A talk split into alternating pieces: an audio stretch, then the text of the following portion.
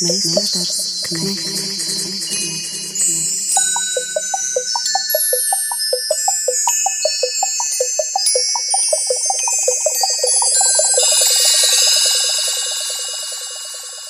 Meistars Knechts. Sveicināti! Klāt mēneša pēdējā pirmdiena, un ar jums kopā kultūra politikas diskusija raidījums Meistars Knekts un tā veidotāji Māra Rozenberga un Orests Silabriedis. Labvakar! Šis gads arī kultūras dzīves veidotājiem daudz vietā Eiropā un Rietumu pasaulē kopumā ir pagājis Ukrainas zīmē. Jau deviņus mēnešus tur plosās nežēlīgs Krievijas uzsākts karš, kas ir daudzos radījis pretestību arī pret Krievijas kultūru. Ja ir atcelti koncerti un izrādes, lausti līgumi ar krievu māksliniekiem, kuri atklāti nenosodīja Krievijas agresiju, ir pārsauktas ielas, gāsti pieminekļi un kaislīgas diskusijas par to, vai Čaikovska un Tolstoja dairadē ir jācieš no Putina asiņainās politikas. Un šķiet, ka Krievijas kultūras boikota pirmais vilnis daudz vietā, protams, ārpus Ukrainas ir tāds kā noplacis, bet um, ko tas ir devis, kādus par un pret mēs šobrīd varam saskatīt, kā un cik ilgi šai kancelēšanas politikai, kā to reizēm mēdz dēvēt, būtu vai nebūtu jāturpinās. Un par šiem jautājumiem mēs šodien runājam ar trim sarunbiedriem - tulkotāju no Krievu, Ukrāņu, Vācu, Angļu, Sengrieķu, Latīņu, Jīdišu un Ivrītu Māru Poļakovu, Delfi TV žurnālistu un raidījumu kāpēc vadītāju Olgu Dragiļevu un Ukrāņu, Latvijas tulkotāju, mūziķi, muzikoloģi, etnomuzikoloģi un sabiedrisko aktīvistu Viktoriju Prituļaku. Labdien! Labdien! Sveicināti! Sveiki! Tāds ir mūsu šī mēneša skats, jo pēdējā laikā nu, šķiet, ka neviens raidījums nevar īsti izvairīties no tēmas par Ukrajinu. Bet uh, jautājums jums visām sarunu biedrēm šodien, kādas ir jūsu pašu personīgās izjūtas, tad, kad jūs dzirdat mm, aicinājumus boikotēt Krievijas kultūru, kādas ir jūsu pārdomas par to? Tīri subjektīvi. Olga, varbūt sāksim ar tevi.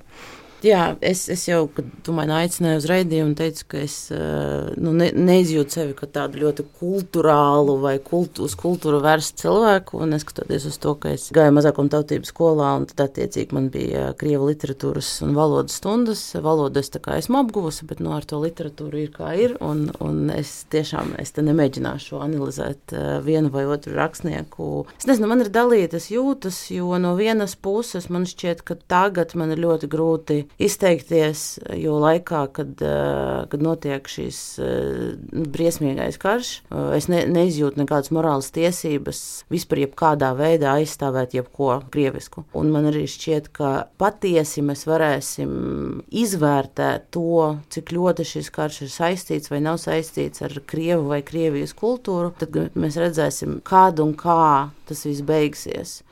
Jo šobrīd, kamēr viss notiek, es, es nezinu, man, man šķiet, ka analizēt.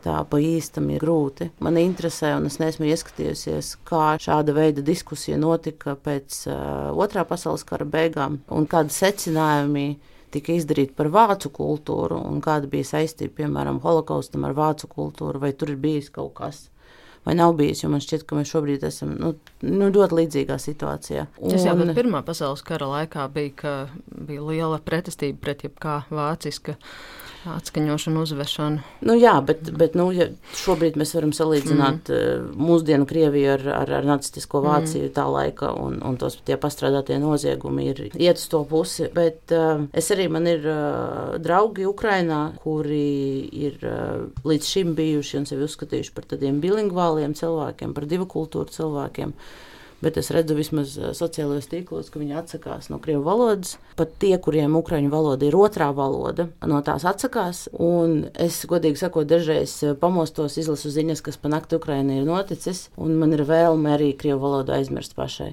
Man nav tādas iespējas, man nav citas tikpat tuvas un nozīmīgas valodas, kurā es būtu izaugusi. Bet eh, es pilnīgi saprotu tos cilvēkus, kas aicina vispār atteikties un teiksim, aizmirst, eh, noboikotēt, kancelēt vispār visu krievisko, bet vienlaikus eh, man ir tas iekšējais konflikts, jo, kad es šo dzirdu, tas vienlaikus man ir sāpina, jo es nevaru no sevis izdzēst šo daļu un, un šo savas ģimenes, to kultūrālo kontekstu. Tāpēc man nav kaut kādas eh, konkrētas vīzijas vai viedokļa par to, kā te būtu jārīkojas. Es varu tikai emocijās dalīties. Jā, nāc prātā tā dīvainā situācija, ka tiekoties ar Roaldu Dobrovēnsku pirms diviem mēnešiem, viņš atvainojās, ka viņš varbūt ik pa brīdim kādus teikumus pateiks krieviski, kas ir viņa dzimtā valoda, kurā viņš raksta, bet viņš izjūt pienākumu atvainoties par to, ka viņš varbūt kaut ko nevarēs pateikt latviski, tā kā viņš to gribētu pateikt krieviski, bet ir runa jā par šo atvainošanos. Māra, Mēs Viktorija pēc tam, bet Māra tava. Ja runa ir par attieksmi pret uh, aicinājumiem boikotēt, man nav attieksmes. Es esmu tā, kas aicina boikotēt. Es esmu tā, kas uh, uzskata, ka nu, nekas uh, no tā saucamās krievu kultūras šobrīd nav vietā, nav pieklājīgi. Jo Ir reizes skaidrs, ka tā saucamā krievu kultūra ja, nepastāv vakumā. Ja. Viņa pastāv saistībā ar valsti, ar valsts politiku. Eh, jūs redzējāt, vakar, starp citu, vesela banda krievu kultūras darbinieku tā saucamo atklāja, eh, kā tas saucās, kultūras fronti, ja, apzināti eh, izmantot šo savu krievu kultūru kā ieroci. Man... Jā, patiesībā raidījuma ieraksts notiek 22. novembrī. Un tas bija 21. novembrī. Es nepaskatījos, uh, kā tas notika. Es redzēju tikai ziņu, ka, tā, ka tas tiks darīts. Tur arī kompānijas Rībņikovs, piemēram, tajā jaukajā kompānijā bija un vēl tādi, šādi tādi cilvēki, par kuriem mēs pirms 20 gadiem interesējāmies. Jā. Bet uh, man visvairāk uh, palicis prātā Ermitāžas direktora izteikums par to, ka mūsu izstādes ir spēcoperācija. Viņš tā arī pateica, ka mēs ar savām izstādēm piedalāmies karā. Mēs visi esam militāristi, mēs visi esam impērieši. Mūsu pienākums ir darīt to pašu, ko dara mūsu armija. Pēterburgas ermitāžu direktors. Nu, kāda te var būt attieksme, nu, to zinot? Jā, un varbūt ir vērts piebilst, ka Mārā, atceroties mūsu kopīgo jaunību un tavas studijas kultūras akadēmijā, mēs esam bijuši ļoti krievu kultūras pārņemti. E, man ir grāds krievu kultūrā, tādēļ es nīstu kvalificēti. Viktorija.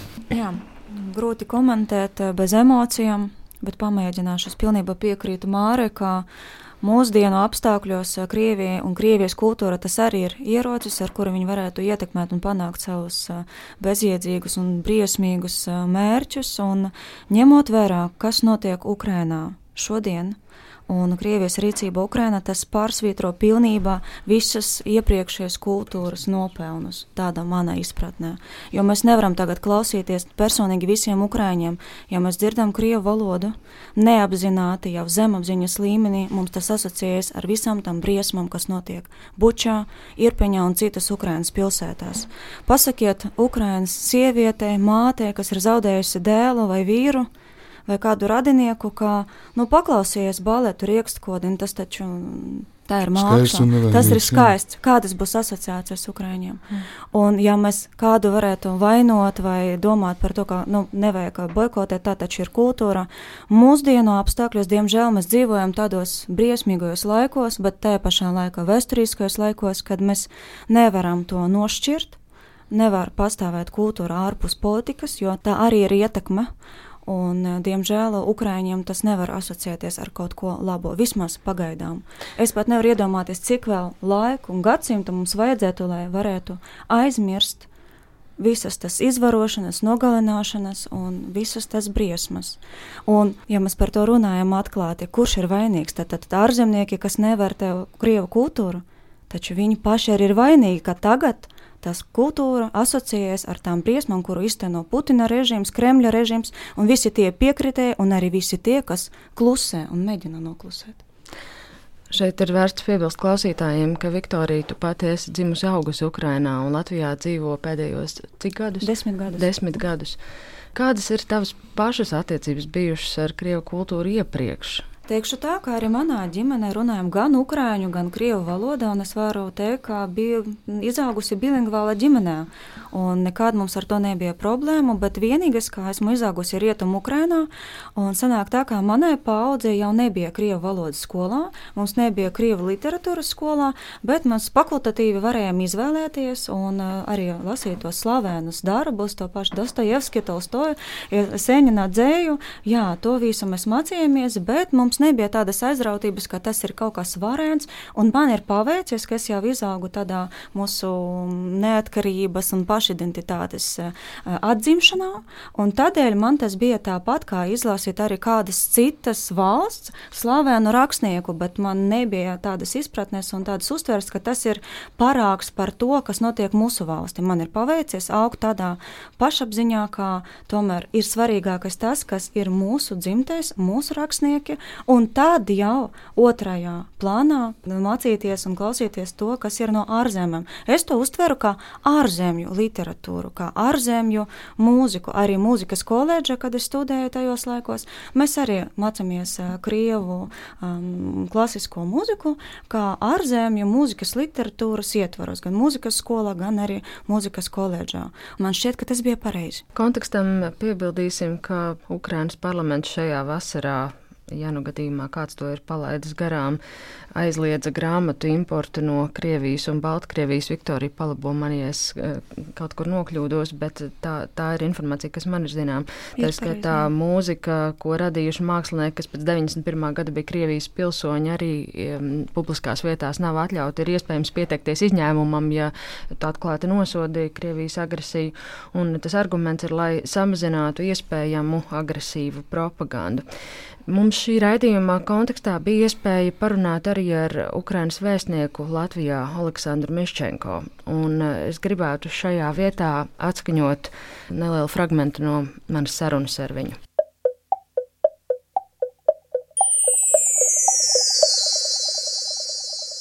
Тяжко відповісти однозначно, що таке е, російська культура. От зараз ми сприймаємо російську культуру як частину зброї, яку використовує Росія проти України. Вони використовують все. Kas ir krievu kultūra, taču mēs to pašlaik uztveram kā vienu no ieročiem Krievijas karā pret Ukrainu. Krievija izmanto visu, un mēs nevaram nodalīt Krievijas kultūru no Putina un viņa totalitārās valsts politikas.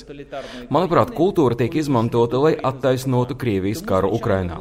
Bieži dzirdam, nevar taču vainot Putina noziegumos rakstniekus, kuri dzīvoja cariskās Krievijas laikā. Bet man ir jautājums visiem Krievu kultūras apbrīnotājiem, kuri grib to nodalīt no Putina režīma, no Staļina režīma.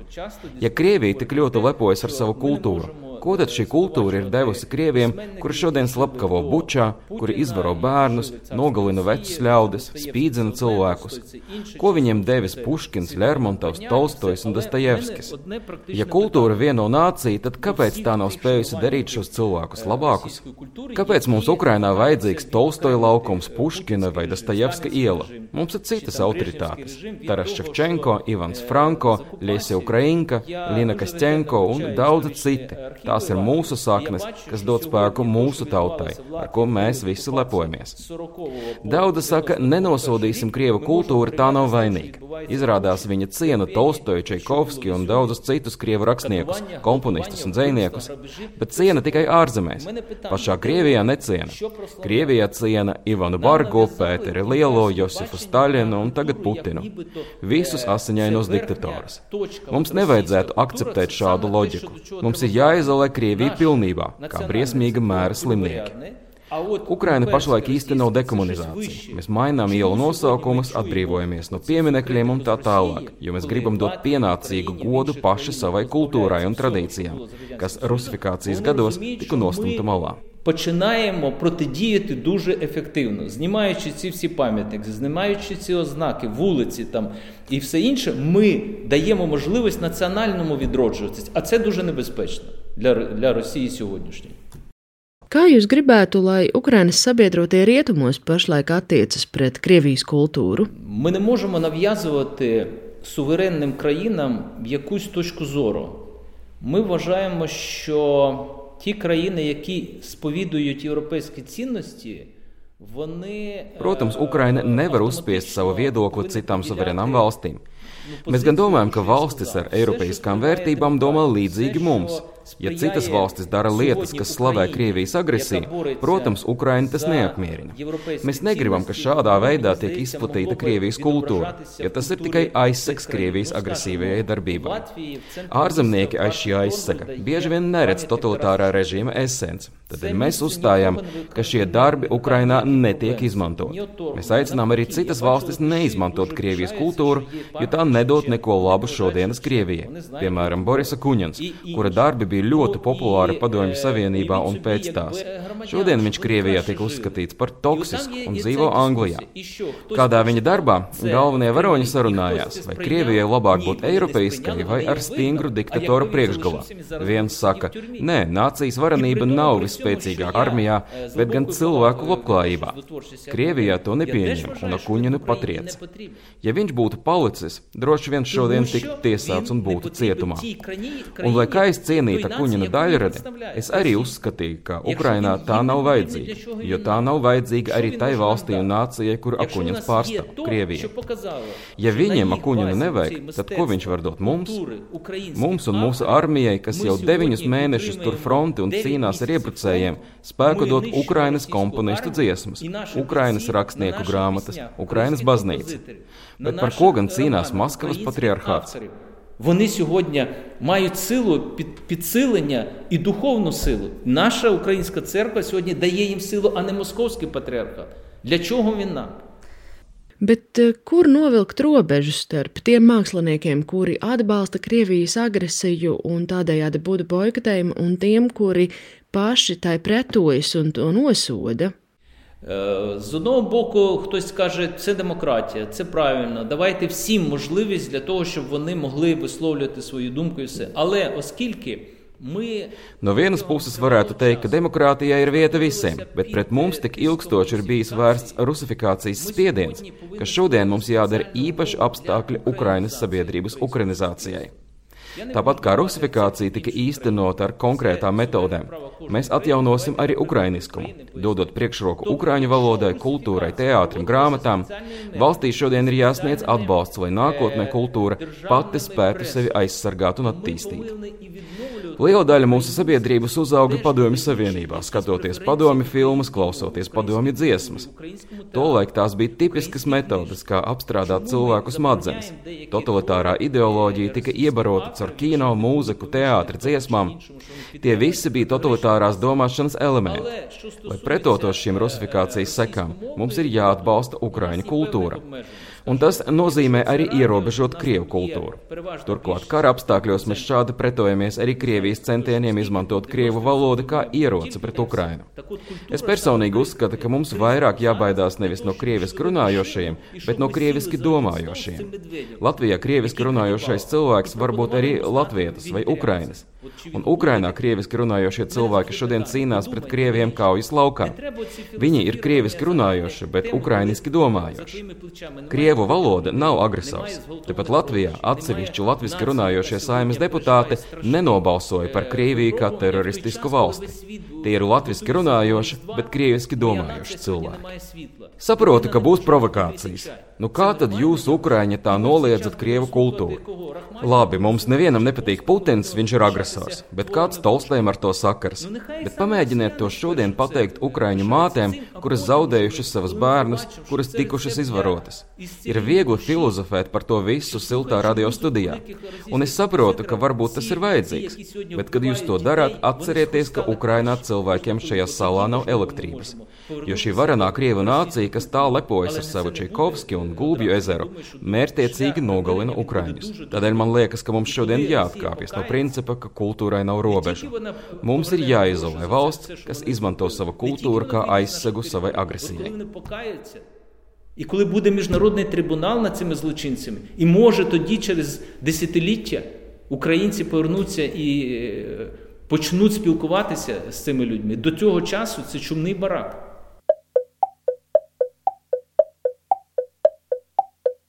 Bija iespēja parunāt ar Ukraiņas vēstnieku Latvijā, Aleksandru Miščenko. Kā jūs sev šobrīd nodalāt šīs dažādas mākslas izpausmes Krievijas kultūrā? Māra, jūs arī esat daudz no krievu valodas tulkojusi. Es daudz no krievu valodas tulkojusi. Nu, teiksim, man ir gadījies arī ļoti daudz izlasīt.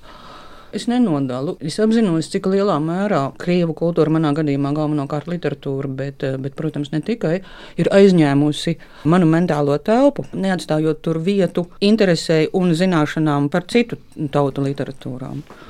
Tad, kad es sāku lasīt ukrainiešu, es biju dziļi satriekta par to, ko es lasu, un par to, ka es esmu tik ilgi dzīvojusi, neko vispār par to nezinot. Jo ukrainiešu jūs sākāt lasīt tikai pēc 2014. gada. Jā, tieši tā.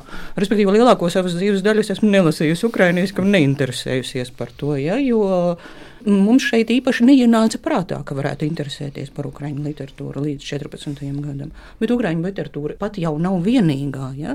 Es domāju, ka ne tikai manā gadījumā, bet ļoti daudzos gadījumos ir aizņēmusi to vietu, kur varēja būt uh, Baltkrievu rakstnieki, kur varēja būt uh, grozīnu rakstnieki, kur varēja būt bosniešu rakstnieki gal galā. Ja? Bet tā nesamērīgā uzmanība, kas uh, mūsu postpadomju valstī, postimpēriskajā postpadomju valstī uh, ir bijusi pievērsta tieši krievu rakstniekiem, vienkārši nav ļāvusi mums uh, kaut ko zināt par citiem. Māra, bet tava interese par krievu kultūru, Jā. vai tā radās no tā, ka tu dzīvoji Padomju Savienībā? Savu... Mana interese par krievu kultūru radās tāpēc, ka es pratu krieviski. Kāpēc es pratu krieviski? Tāpēc, ka es dzīvoju Padomju Savienībā. Man nebija Jā. iespējas neprast krieviski. Ja es būtu tajā pašā mm, astoņu gadu vecumā, kad es, kad es sāku uh, lasīt krieviski, es būtu varējis lasīt angliski, nu, es stipri šaubos par to, ka es būtu izlasījusi Tolstoju nu, bezmaz kopoto rakstu līmenī. Ja? Jā, mēs dzirdējām par to, ka vēstnieks eh, runāja par to, ka diezgan liela atšķirība, vai mēs diskutējam par to radio studijā, vai mēs par to diskutējam, piemēram, šobrīd, nezinu, kaut kur Kijivas kādā laukumā. Eh, Bet tomēr nu, mums ir jārunā par to, un es gribu jautāt, vai jūs arī jūtat to, ka tā ir tāda tikai daudzpakāpju attieksme, ka viena lieta ir kā Ukraina, un Ukraiņi rieģē uz šo visu, tad ir pietuvinātie Baltijas valsts Polija, tad tālāk ir Rietumu valstis, ja, un visur tur šī pakāpe tā kā mazliet tā kā mazinās. Atdziest. Jā, jā. Alga, jā. Nu, tā man šķiet, ka ir jārunā ne tikai par attieksmi pret krievu kultūru, bet arī par kopumā attieksmi pret nu, teiksim, tā, Putina režīmam pietuvināt to loku. Jo, piemēram, ja mēs paskatāmies, es vakar mazliet palasīju par, par dažādām tās krievu kult- kultūras kaut kādām uh, kancelēšanām pasaulē.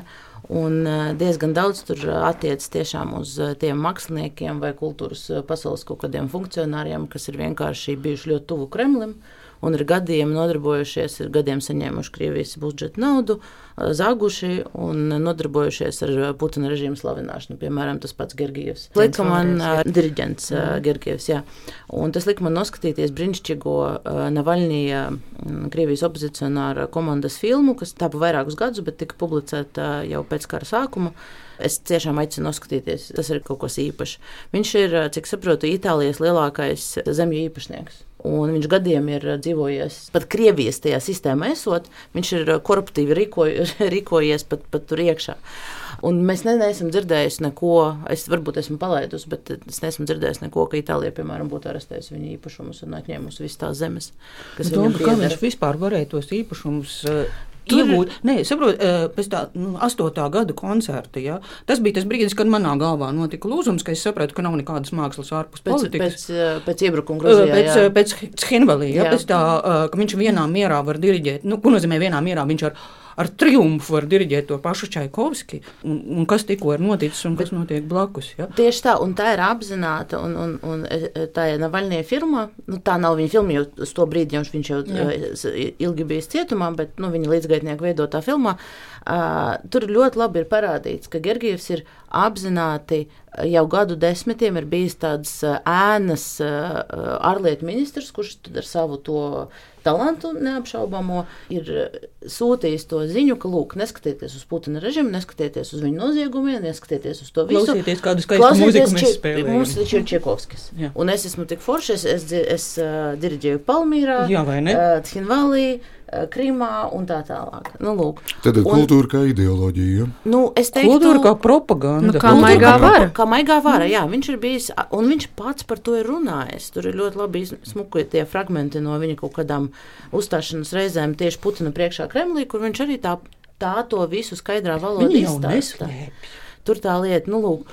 Bet vienlaikus, nu, es vienkārši uh, turpinot to domu, vienlaikus es skatos uz šo, bet tad es skatos uz, es, ok, te, te varbūt tas um, salīdzinājums ir drusku jokains, bet nu, modernā, laikmetīgā māksla un kultūra arī ir kultūra, un tad tur ir pusi raita. Tad tur ir Oksimirons, uh, hip hop uh, mākslinieks, tur ir tas pats Gribenčikovs, drusku senāks kungs un tā tālāk. Un, proti, es nezinu, ko mēs tagad ar to darām. Tas ir vienkārši jautājums, jo es pati sev to nesmu atbildējis. Mēs viņu nodalām, kā mēs uz to visu skatāmies. Jo man, man gribētu to skatīties, un tiešām ne, neaizstāvot neko.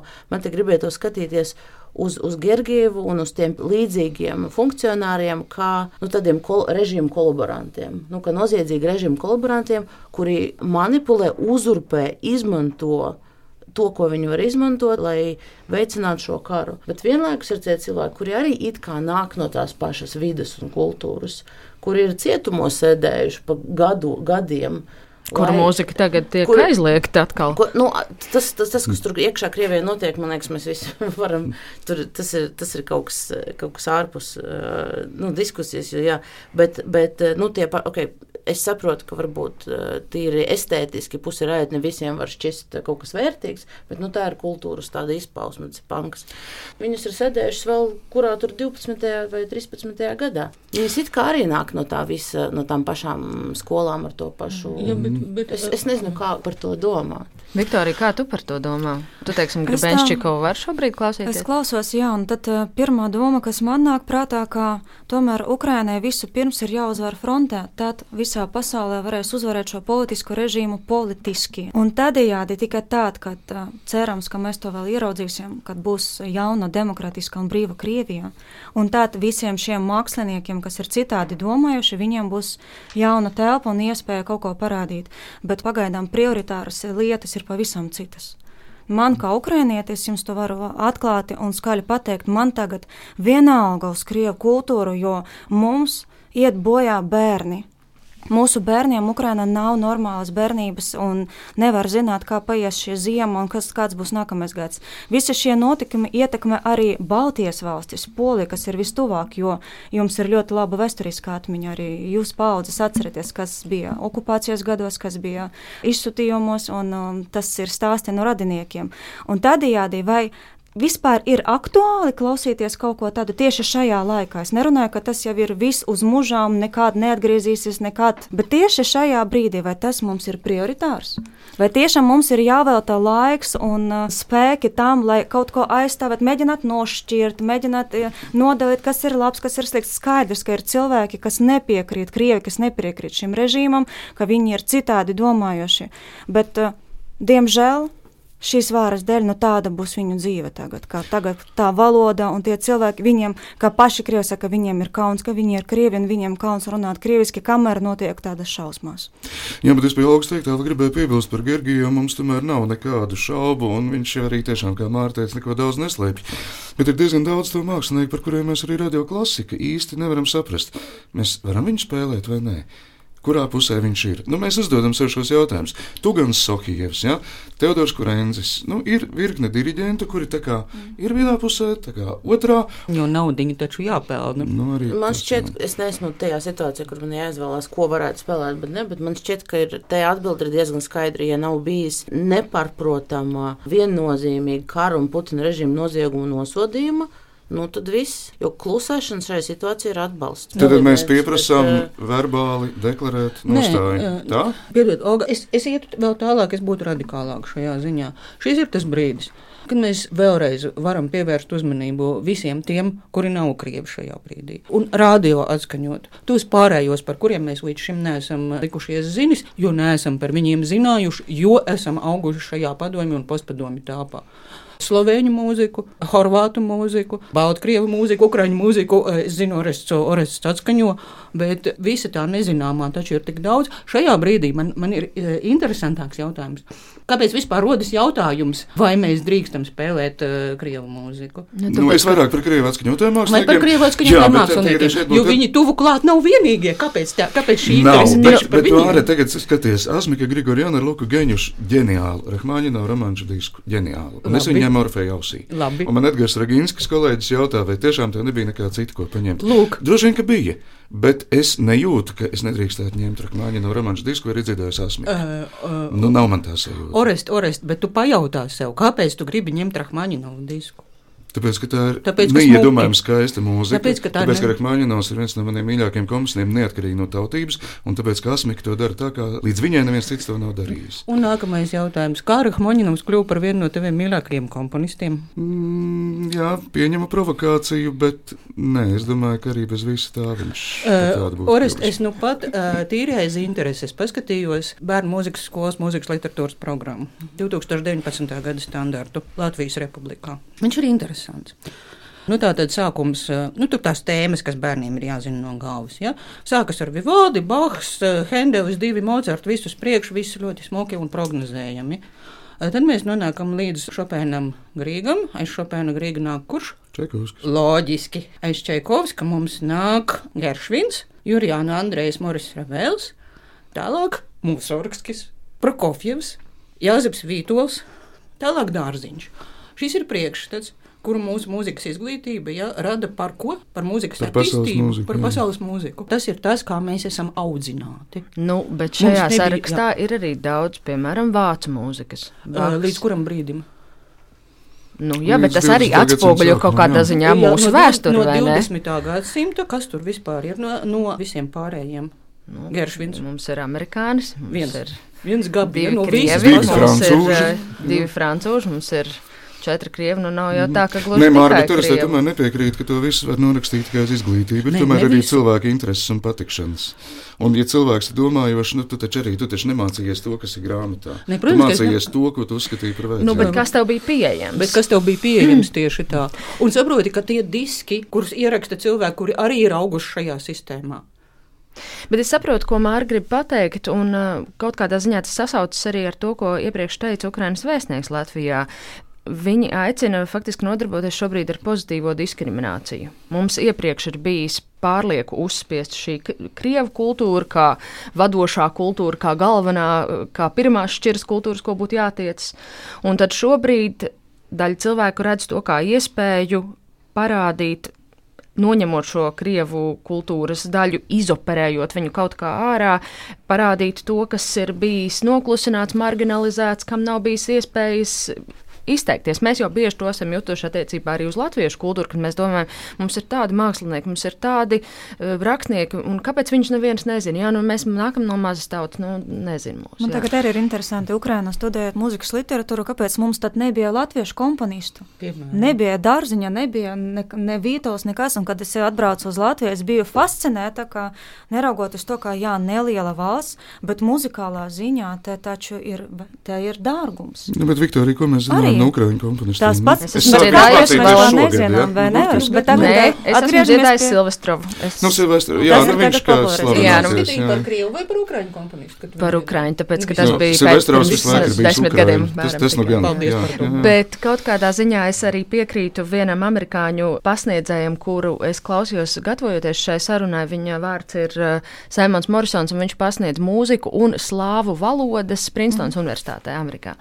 Un viņš teica, tā, ka viņš redz, ka šobrīd ļoti daudz tiek atskaņots Silvestrovs kā mūsdienu ukrāņu viens no absolūtiem ģēnijiem, bet ka diez vai Silvestrovs būtu laimīgs par to, ka viņš tiek atskaņots tagad, faktiski tikai reducējot viņu uz tāpēc, ka ukrāņis.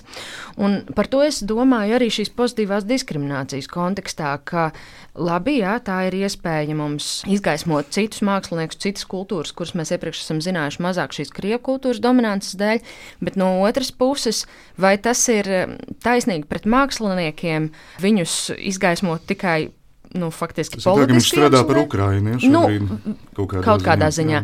Un otrs arī, nu, piemēram, domājot par to, kas šobrīd notiek Ukrainā, kad tiek aizliegts grāmatu imports no Krievijas un uh, Baltkrievijas, nu, tad, kā jautāja kāds mans kolēģis, kādu demokrātiju var izveidot, ja taisās aizliegt grāmatas? Te ir jāsāk, jāsāk soli atpakaļ. Par grāmatām es kā reizi zinu situāciju uh, Ukraiņas uh, grāmatnīcās pirms šī aizlieguma. Ukraiņu grāmatu, Ukraiņas grāmatnīcās vienmēr ir bijis daudz mazāk nekā krievu. Tā proporcija ir bijusi brēcoši aplama. Mm. Respektīvi, krievu grāmatu Ukrainā nekad nav trūcis. Bet, ja šobrīd viņas-. Ja šīs grāmatas šobrīd neaizliegtu, vai tā proporcija nemainītos arī dabiski, Viktorija, pēc tā, ko tu saki, ka šī sajūta, un kā Olga pieminēja, arī cilvēki, kuriem pat krievu valoda ir pirmā valoda, Ukrainā šobrīd atsakās no krievu valodas nereti. Vai tā proporcija nemainītos dabiski? Es vienkārši domāju par šo eh, nu, liberālo vērtību aspektu, ko mēs it kā rietumos sludinām. Vienlaikus, eh, kā norāda arī daži šīs eh, boikotēšanas kultūras kritiķi, mēs kaut kādā ziņā arī nodarbojamies ar nacionālismu tikai pretējā virzienā. Un ir ir kas saka, bet eh, vai jūs gadījumā nepiespēlējat Putina narratīvam, kurš uzskata, ka nu, tagad visi rietumi grib ne tikai viņiem nepatīk, ne tikai es, bet viņiem nepatīk viss krieviskais. Redziet, kā viņi tagad visu krievisko grib attīrīt. Un ir kas uzskata, ka šādā veidā mēs tikai pastiprinām to, ko Putins jau tāpat domā, un ko viņš vēl vairāk tagad var pārliecināt savu tautu, ka rekā mūs ienīst, tāpēc, ka mēs esam krievi.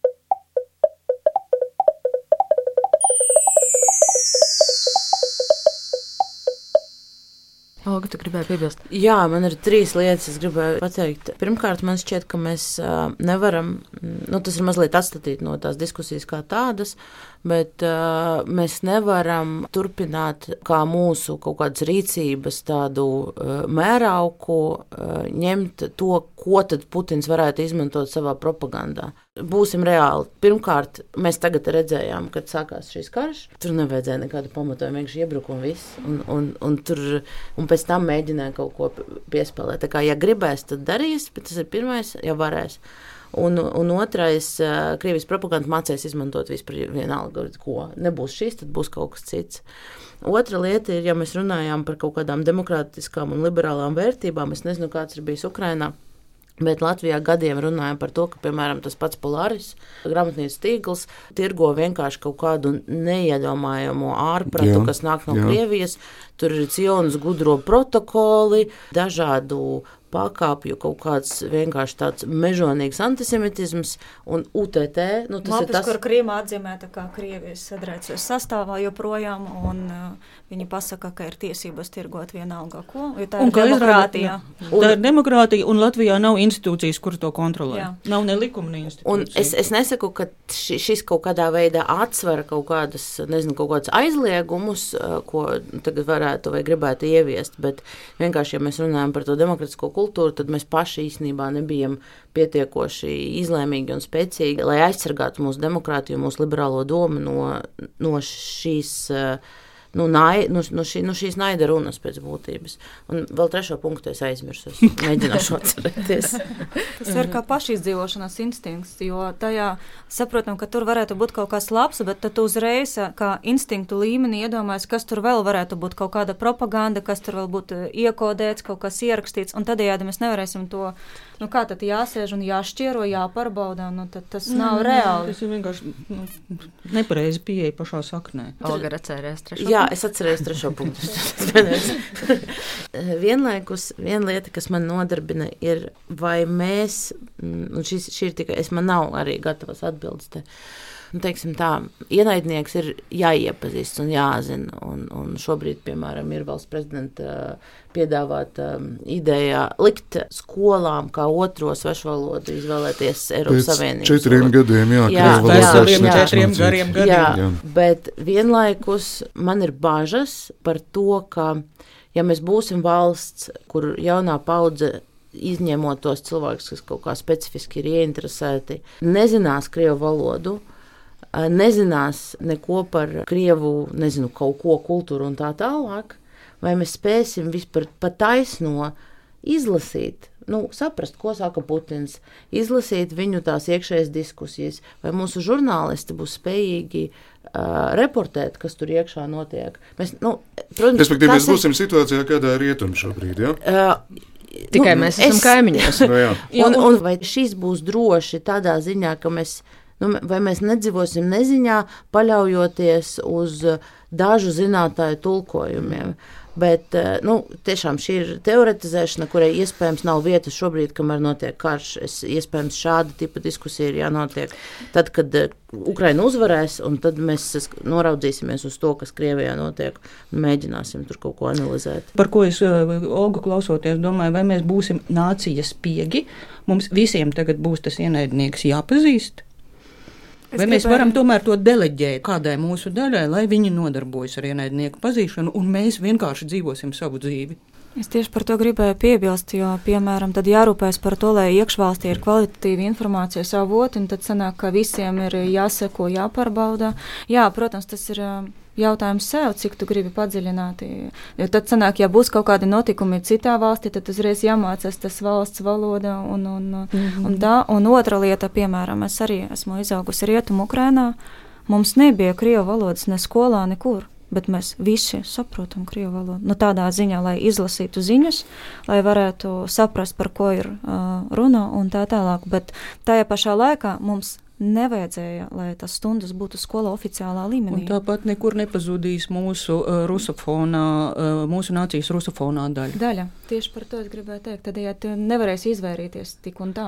Un ja, uh, ja nu, tā nebūs nezinu. es, kas pratīs krieviski, tad tas būs mans kaimiņš uh, Vladimirs, piemēram. Nu, kaimiņš Vladimirs iespējams lietos citus informācijas avots nekā uh, tā, tā, tā lūk ir mūsu lietot. kopīgā izglītība, no, nu, kas šeit ir svarīga. Ja? Bet, nevis, nu, man, nevis man kļūt par upuri tam, ka Vladimirs lietos citus informācijas informācijas līdzekļus. Un tādēļ man ir jāmācās krievu valodu, lai es varētu viņu pieķert. Bet gan parūpēties par to, lai arī Vladimirs eh, nu, būtu lojāls mūsu valsts. Mūsu valsts valstī. ir gatava tādu situāciju nodrošināt. Kā mūsu valsts vispār ir? Tad nu, ir jāgatavojas, tad ir jāmainās nu, un ir jāgatavojas. Ir pienācis laiks, jau ir tā, ka man šķiet, nu. ka ļoti daudz gadu ir pazaudēti, jo daudz lietu, kas ir atļaušas tie, kas, kas Latvijā norisinās tagad, pateicoties notikumiem Ukrainā, cik tas neslīgti skanētu, bet daudz jautājumu, kas jau gadiem ilgi šeit pastāvēja un baidies, a, kas būs, mm. kā norēģies, nu par to pašu piemini, ka jā, es tagad pateikšu, kur tie tūkstoši cilvēku, kas Ušakova laikā tur skandināja un dziedāja, kur viņi bija, un tad cik tur pāris cilvēku, pāris desmit cilvēku iznāca. Un saprotiet, kāda tā ir propaganda un cik tas ir neobjektīvi. Tāpat arī ar tām valodām un skolas programmu. Ja tas būtu atrisināts 90. gadu sākumā, jums Latvijā tādu problēmu nemaz nebūtu vispār. Un tie jaunieši zinātu gan latviešu valodu prioritāri, gan arī savu dzimtu, etnisku, un tādu problēmu vispār nebūtu, jo ģimenē runā dzimtā valodā. Jā, bet Mārna pat pieminējās par ielām Ir jāmaina Maskavas ielas nosaukums. Un ko tad mums tagad ar to puškiņu ielu darīt? Olga, kā tu domā? Mēs varētu padomāt, vai mums to joprojām vajag. Es neaizstāvēšu. Es tiešām man nešķiet par. Es, es, pirmkārt, man nav stingra viedokļa. Otrakārt, kā es jau sākumā, nē, man nav sajūta, ka Maskavas iela šobrīd būtu kaut kas. Ja par Puškinu vai kaut kādu konkrētu personību vēl var strīdēties, bet man liekas, ka Maskava ir ļoti stingri saistīta šobrīd ar šo visu stāstu un, un ar kāru karu un ar, un ar Putinu. Tad būtu jāpārsauc. Es nezinu, jā, es droši vien, ja būs tāds lēmums, es. es Neķēdēsies pie uzrakstiem. Es, es, kā jau es sākumā teicu, man Krievija kā tāda, man nav sajūta, ka es esmu ar to saistīta. Es esmu dzīvojis Latvijā, un, un tāds cits valsts man nav. Un es, es nejūtos šobrīd, ka ir laiks vispār aizstāvēt eh, jebko krievisku šobrīd, kamēr karš vēl notiek. Bet tas jau nav tikai krievisks, tas ir arī impērisks, un tas ir tikpat svarīgi kā krieviskais. Nevis, nu, nevis Man liekas, tas politiskais, moments, ja, bet... politiskais aspekts un šis ideoloģijas aspekts šobrīd, jā, tieši tas ir vissvarīgākais, jo kas ļāva Putinam darboties, tā bija totalitāra vai autoritāra, kura tur valsts, kur viņš uzcēla. Vai tomēr mēs dažkārt neejam jau mazliet absurdāk, Krievijas sirs, tagad ir tilzītas sirs, ir ierosinājumi izņemt Krievu vārdus no kalendāra jādara, tad kuri būs krievu vārdi, kuri nebūs. Tas bija Cik pa jokam ierosināts. Neticu. Tas bija pa jokam. Neticu. Tad sadaram? Cilvēku stulbumam nav robežu. Nē, es labi, neticu. Jā, nē, nē. Nu, šis konkrētais, šis konkrētais tiešām, tiešām bija joks. Ja? Jā. Nu, labi, tādā gadījumā es atkāpjos. Uh, Olga, man, man vienkārši ir, es te gribu runāt, bet es, es ļoti gribu dzirdēt, ko jūs, ko jūs pateiksiet. Par ko? Šo, Par to, ko es tajā. À. Es nezinu, man šķiet, ka, nu, kā jau sākumā teicu, kā cilvēku, kurš ir uh, dzimis Latvijā, bet vienlaikus ir uzaudzis eh, ar teiksim, tā plašākā izpratnē krievu vai krievu valodas kultūru. Eh, ar visām pasakām, multinēm un tā tālāk. Es esmu nu, tādā dziļā emocionālā konfliktā pašā ar sevi, jo aizstāvēt neko krievisku es šobrīd nevaru. Bet vienlaikus, protams, tas viss ir ļoti sāpīgi. Bet šīs sāpes es paturu sevī, un es par tām runāju tikai tāpēc, ka jūs prasat, jo tam sāpēm šobrīd nav nekādas nozīmes esošā situācija. Un īstenībā, tad, nu, es nezinu vispār, vai kāda ir vērtība tam, ko es te runāju, jo, jo nu, jārunā ir cilvēks ar savu ir jārunā, pieredzi. ir jārunā tev- Ukrainas cilvēkiem mm. šobrīd, un mums visiem ir jāklusē. Tā nav, jo jūs visi varat palīdzēt mūsu klausītājiem, jau sākot ar Māru un mani, mēģināt saprast, kādā pozīcijā mēs gal galā nonāksim. Jo es esmu tieši tādā pašā konfliktā. Es neesmu krievs, bet es arī esmu konfliktā. Nu, tur nav atbildes. Tieši tā, tāpēc, tāpēc eh, es eh, nu, maksimāli mēģinu kaut kā izva izvairīties eh, no tādiem melnbaltiem paziņojumiem. Meistars Knechts.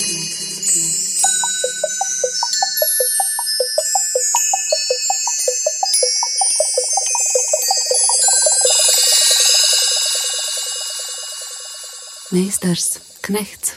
Viktorija, Par ielām, kas ir personu vārdos, kas ir Krievijas vietvārdos, par, jā, arī par sieru beig beigās. Un arī par sieru. Es jums pastāstīšu no cita skatu punktā. Tagad visi apbrīno Ukraiņas tautas vienotību, jā, šo kazaku drāvu, kā mēs sakām, ka tur nāk viss ukrainisks un tā. Bet tā nebija.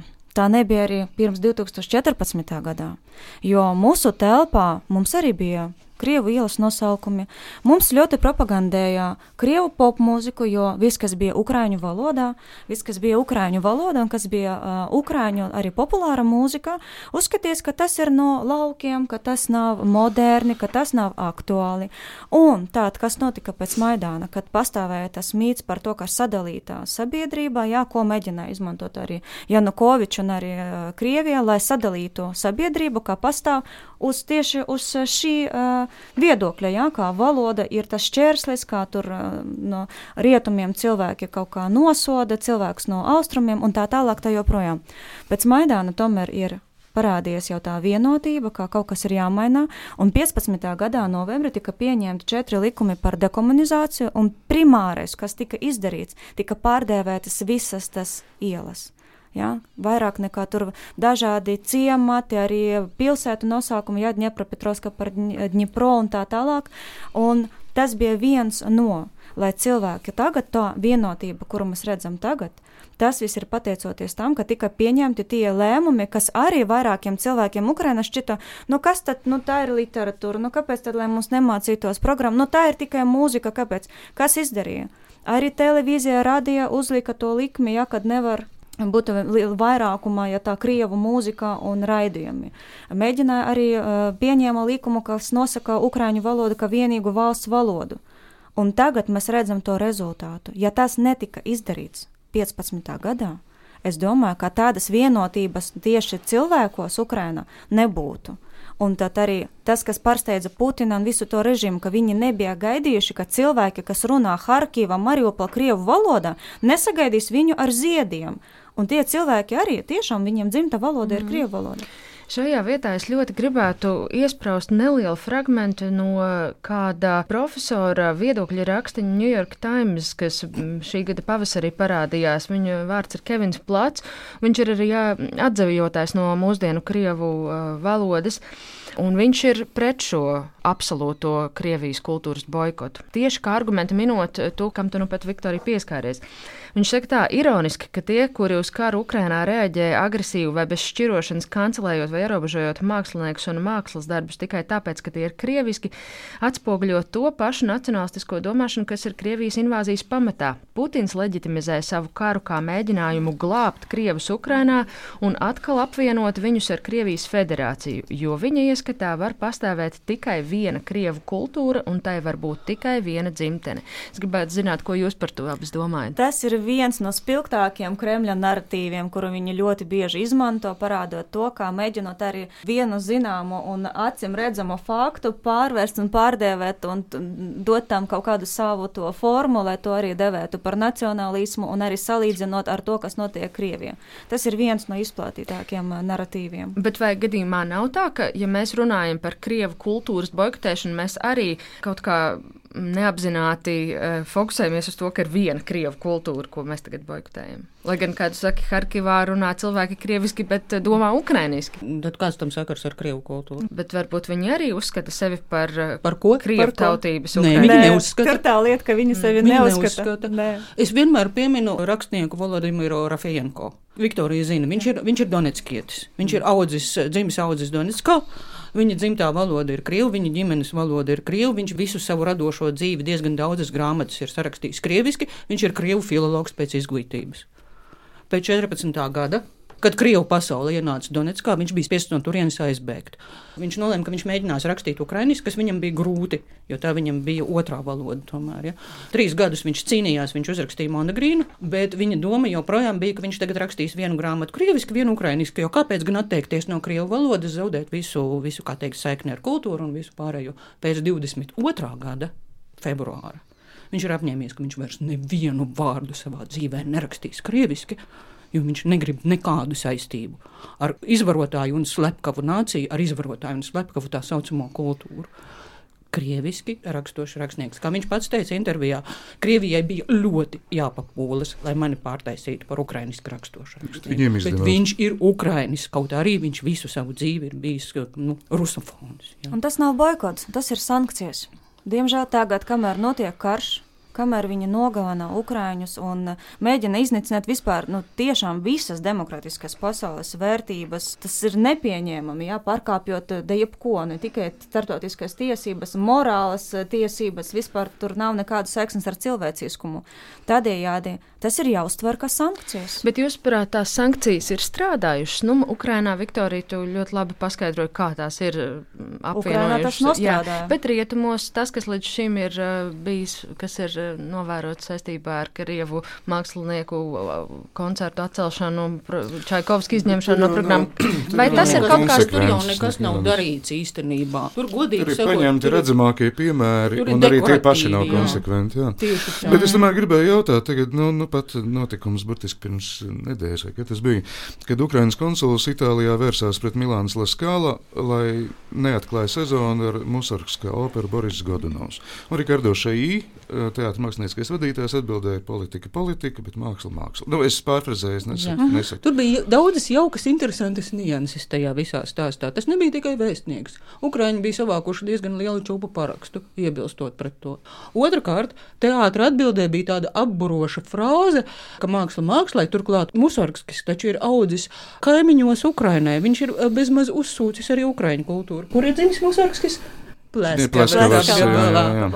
Respektīvi, no viņu puses mēs tā visi ir šeit, viena liela, jā, tā visa viena liela čuhņa, es atvainojos, jā, jā. ja tas orientālistiskais skatpunkts mums ir īstenībā pilnīgi vienalga, kādi jūs te esat, mēs taisīsim mākslu. Es to uztveru vispār patīk. par provokāciju, jo te ir jāskatās plašākā kontekstā un jāpaskatās ar arī Itālijas iekšpolitiskiem procesiem. O. Pirmkārt, un attiecībām ar Krieviju starptautiskā mērogā.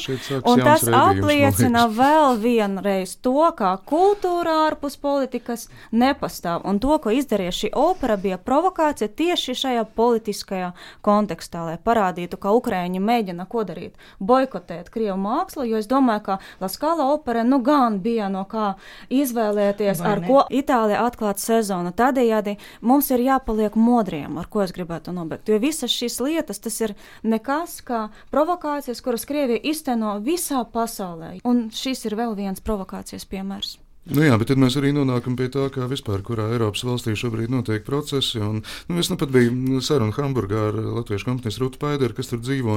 Viņam runāja par to, cik Vācija jūtas šobrīd izolēta un apjukusi, jo vairs nav sabiedroto. Francijā notiek tādi procesi, Itālijā tādi, Amerikā vispār tas un tas, un ka valsts nevar saprast, tagad, kurā virzienā iet. Mēs nerunāsim par Ķīnas ietekmi, ja, kas, es domāju, mēs tas vispār ne to vēl neesam pat sākuši mm apjēgt, ar ko tas mums draud. Ja. Un šajā visā haosā tagad paskaidrot, lūdzu, kā cilvēks, lai notur savu. Es gribu par boju. to runāt. Es gribu runāt tieši par boju. Tas ir vārds, metāfora, par kuru es vakar visu vakaru domāju, domājot par ielām. Lūk, šīs mūsu Maskavas, Lomonosava, Puškina, Lermontova un citas ielas, vai tās ir mūsu bojas, vai tie ir mūsu orientieri? Tieši tā. Mums nav jauns sudrabiņu ielas Rīgā. Mums nav Mīlenbacha ielas. Vai no tā man, augot, dzīvojot manā pilsētā, ir jāsacina, ka manai nācijai svarīgāki ir Tolstojs, Lomonosovs un visa tā pārējā kompānija, nevis Jauns un Nerunājot par komponistiem, kuriem Nerunājot par komponistiem, un vispār nav jau, tikai, nav jau tikai cilvēki obligāti. Mums varētu būt Ziemassvētku kauju iela, mums Tas varētu ir būt skolnieku rotas iela. Tā visa mums nav, jo to vietu ir aizņēmuši Tolstojevski. Tā Ir, pašā laikā es domāju par to, vai tas, ka vienu industriālu ielu purcēm virzienā nosauc par Gunāra Astras ielu, ir eh, uzlabojis daudz eh, latviešu zināšanas šodien par to, kas ir Gunārs Astra. tas palīdz. Tas palīdz Jā, ļoti tas ir orientieris, kas. Es ļoti ceru, ka ir svarīgs. Mm. Ja jau esat sākuši iet šo ceļu, tad ir tiešām vērts paskatīties uz to Ukraiņas piemēru, ka tika pieņemts. Un vienā reize tas ir izdarīts, un viss. Nevis to uh, vilkot garumā pa vienai ielai un tā.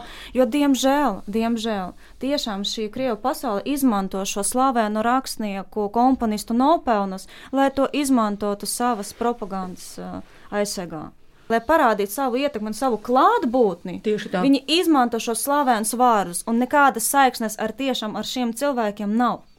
Bet rodas tā patīkamā sajūta, ka krievu kultūra tas ir kaut kas tāds eh, skaists, par ko domāt, un, un ka galu galā tāda nācija taču nevar būt tik briesmīga, ja viņiem ir tik es skaista kultūra. To es ļoti labi varu saprast. jā. Es nezinu, cik no mums ā, pieaugušā vecumā ir palasījuši šos klasiķus. To pašu Puškinu, Jā. to pašu Lermontovu, to, šo- šos te dižgarus, kuru piemiņu, kuru vārdus mēs tik centīgi Māris, sargājam. vairāk, cik krievu mūsdienu ir izlasījuši šos visus darbus. Tas ir tas, ko vēstnieks sacīja. Jā. Jā, jā, jā, bet, nu, Krievijas mēs par to paļādājiem, runājam. jā. Mēs paskatīsimies tiem cilvēkiem, kas ir tagad atnākuši uz Ukrainu. Vai tad uh, tiešām šī kultūra kaut, ko, nu, kaut kur mantojama, kaut kā iespaidošas cilvēkus? Protams, viņi nes to kā karogu ārpus savas valsts, redz, cik mēs esam dižani, bet patiesībā Ārvalstis, lielākā daļa paši nemaz nav lasījuši. Bet- Vai arī to- ir lasījuši? Mums Un ir kaut kādi ārkārtīgi ideālistiski priekšstati par šo literatūru. Nu, vienu kārtu jau mēs tomēr arī nevaram Tas mest. ir gadiem ilgi popularizēts. Tas ir gadiem ilgi popularizēts, paņemt un izlasīt poēmu Lanša, piemēram, ja, vai Klimetņikām Rosija. Es citēšu, es ļoti gribu citēt. Krieviski man nebija laika meklēt, eh, vai, vai tas ir atzījots vai nav atzījots. В бездну повалили, мы, тяготеющие над царствами кумир, и нашей кровью искупили Европе вольность, честь и мир. Tas ir kas? Tas ir tas pats mesiķis, ko mēs eh, klausāmies katru gadu uz 9. māju. Tas pats. Tikai tas ir rakstīts eh, 1831. gadā. Pārtulkojums. Par to, ka mēs ar savām asinīm esam jums izpirkuši jūsu eiropiešu brīvību, mieru un godu. Un tu, tur tālāk ir, ir tas pats, ka nu, labāk nelicieties, citādi mēs pie jums aiziesim vēlreiz. Puškins. Jā, bet tajā pašā laikā var teikt, nu, tas ir tas pats, kas kolonistu pieminekļu gāšana un, un viss pārējais šis vilnis, kas bija Eiropā un citur pasaulē, ļoti aktuāls. Tajā laikā cilvēki tā domāja. Rasisms bija pats par sevi saprotams. Bija daudz, kas pasaules uzskatos absolūti citāds. Vai mēs varam šiem cilvēkiem to pārmest? Mēs varam viņiem nepārmest, bet mēs varam uz viņiem neskatīties. Mēs varam skatīties uz to, kas mums ir svarīgs. Skatoties uz kolonizatoru pieminekli, es par šo kolonizatoru domāju. Vai es gribu par viņu domāt? Vai man par viņu ir jādomā? Bet vai Es- viņš ir jāizdzēš no vēstures pilnībā vai, vai tad, un kad es zināšana domāju par to pieminiekli, vēsturi? pieminekli, viņš ir izdzēsts no vēstures pilnībā? Piemineklis ir no vārda pieminēt. Piemineklis ir vieta, kur es par viņu. Atmiņas par pieminekli. Viņš jau netiek izmests no grāmatnīcām. Ir sirdi plosošs raksts, pirms pāris dienām es lasīju uh, Ukrāņu kultūras menedžeri Aļonu Karavai. Viņa uzstājās Eiropas parlamentā, viņai bija dotas septiņas minūtes, kurās viņai bija jāpastāst par to, kas šobrīd notiek ar Ukrāņu kultūras vērtībām. Par uh, izpostīto Skovradas muzeju, par izpostīto Primičenko muzeju, par nozagtajām gleznām, nodedzinātajām bibliotēkām, visu pārējo postežu. Viņa uh, ļoti rūpīgi katru vārdu pārdomājot, kā viņa stāsta. Ir šo savu uzstāšanos sagatavojusi, tad viņa ir savu uzstāšanos pabeigusi, to visu ar sirds asinīm izstāstījusi. Kas ir jautājums, ko viņai uzdod? Kāda ir jūsu attieksme pret to, ka ukrāņu diriģenti tagad it kā atsakoties diriģēt Čaikovski? Eiropas parlamenta deputātei, kur to jautāja, Čaikovskis, kur reāli nekas neapdraud, kura notis nepazūd no bibliotēkām, ir svarīgāks par reāli apdraudētām, iznīcinātām ukrāņu Tas ir tas, kultūras ka mēs runājam par tām zonām. Tuvākā zona, tālākā, arvien tālākā. Bet es pajautāšu pilnīgi bez nekādas attieksmes, vai šobrīd klausītājs kāds mūsu, kuram uz naktas skapīšu stāv, nu, piemēram, es nezinu, Dostojevski idiots, viņam ir jājūtās eh, slikti un jānokautrējas par to. Ļoti cilvēcisks jautājums. Tā ir personīga izvēle. Tā ir pirmkārt. personīgā Un izvēle. otrkārt, es pret to, lai popularizētu uh, publiskā telpā. Jā, kādām Tieši tā. savās mājās gribētos palasīt kādu tādu slavenu darbu. Tu Respektīvi, izzini pasauli, kā tu gribi, bet ir runa Bet par to, kā tas manifestējas publiskajā telpā. Kā to popularizēt? Jā, Jā. Mm. Es, es arī, uh, Ores, tu šo raidījumu piesakot, uh, man piesakot, tu teici, ka nu, tur par aizliekšanu būšot jārunā vai vajagot aizliegt. Manuprāt, aizliegt privāti lietot, nu, ir diezgan bezjēdzīga ideja, ja? bet uh, runa ir par, par to, kas mums ir kopīgs, par telpu, kuru mēs veidojam, kurā mēs visi kopā dzīvosim. Lūk, šis ir tas teikums, kura dēļ mums arī vajadzēja satikties.